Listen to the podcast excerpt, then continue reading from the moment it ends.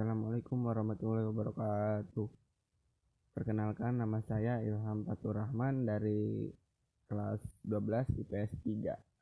Saya akan menjelaskan tentang sejarah kota. Ada beberapa sumber yang dijadikan dasar untuk mengungkapkan asal-usul Salatiga, yaitu yang berasal dari cerita rakyat, prasasti maupun penelitian dan kajian yang cukup detail. Dari beberapa sumber tersebut prasasti Lumpungan lah yang dijadikan dasar asal-usul kota Salatiga. Berdasarkan prasasti ini, hari jadi kota Salatiga dibakukan, yakni pada tanggal 24 Juli tahun 750 Masehi. Ditetapkan dengan peraturan daerah tingkat 2 nomor 15 tahun 1995 tentang hari jadi kota Salatiga satu prasasti lumpungan. Cikal bakal lahirnya Salatiga tertulis dalam batu besar berjenis andesit berukuran panjang 170 cm lebar 160 cm dengan garis lingkar 5 meter. Yang selanjutnya disebut prasasti lumpungan. Berdasarkan prasasti yang berada di Dukuh Lumpungan Kelurahan Kauman Kidul Kecamatan Sidorejo itu, maka Salatiga sudah ada sejak tahun 750 Masehi. Yang ada pada saat itu merupakan wilayah Perdikan. Sejarawan yang sekaligus ahli epigraf Dr.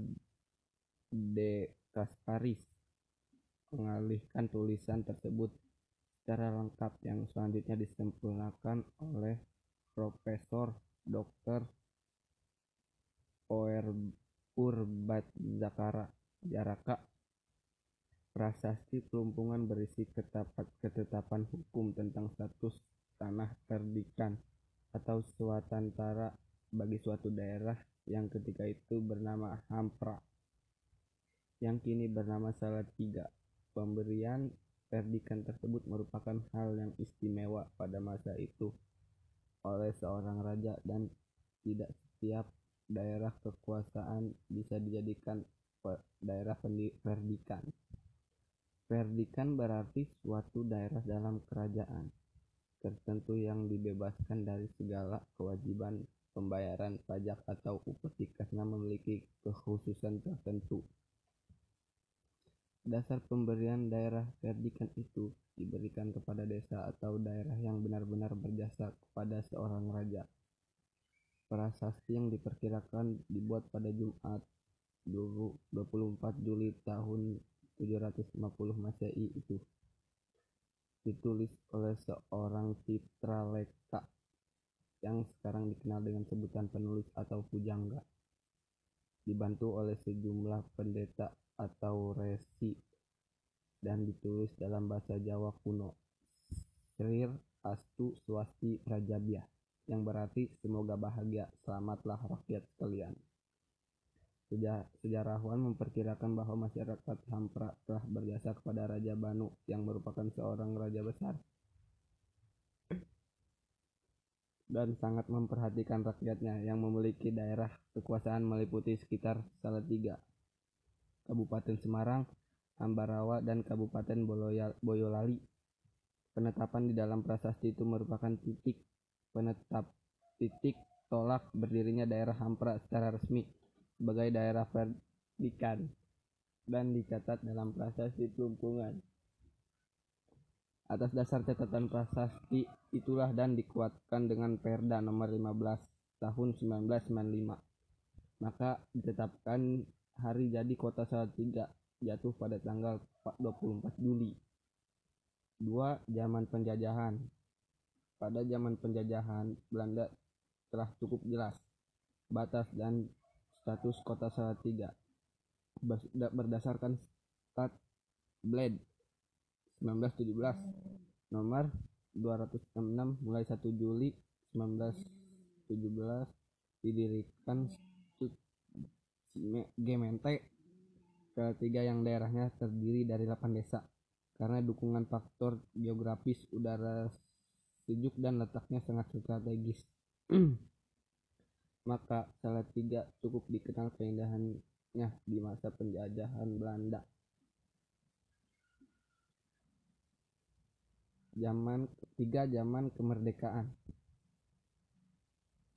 Kota Salatiga Stadgemen ya, yang dibentuk berdasarkan Stadblad tahun 1923 nomor 393 yang kemudian dicabut dengan Undang-Undang.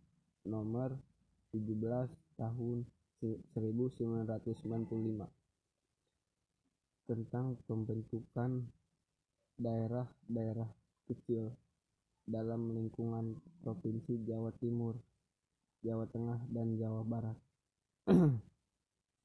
Ditinjau dari segi administratif pemerintah dikaitkan dengan kondisi fisik dan fungsi kota madya daerah tingkat 2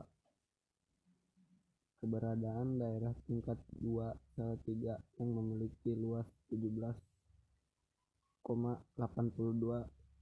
km dengan 75% luasnya merupakan wilayah terbangun adalah tidak efektif.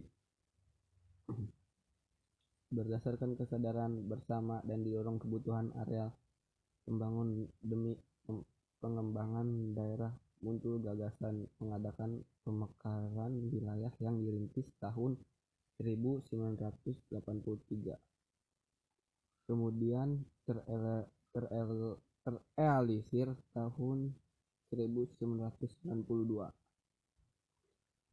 dengan terbitnya peraturan pemerintah nomor 69 tahun 1992 yang menetapkan luas wilayah Salatiga menjadi 5.898 HA dengan empat kecamatan yang terdiri dari 22 kelurahan berdasarkan amanat Undang-Undang Nomor 22 Tahun 1999 tentang pemerintahan daerah Kota Madya daerah tingkat 2 Salatiga berubah penyebutannya menjadi Kota Salatiga. Tentang PPID Kota Salatiga. Undang-Undang Nomor 14 Tahun 2008 tentang Keterbukaan Informasi Publik.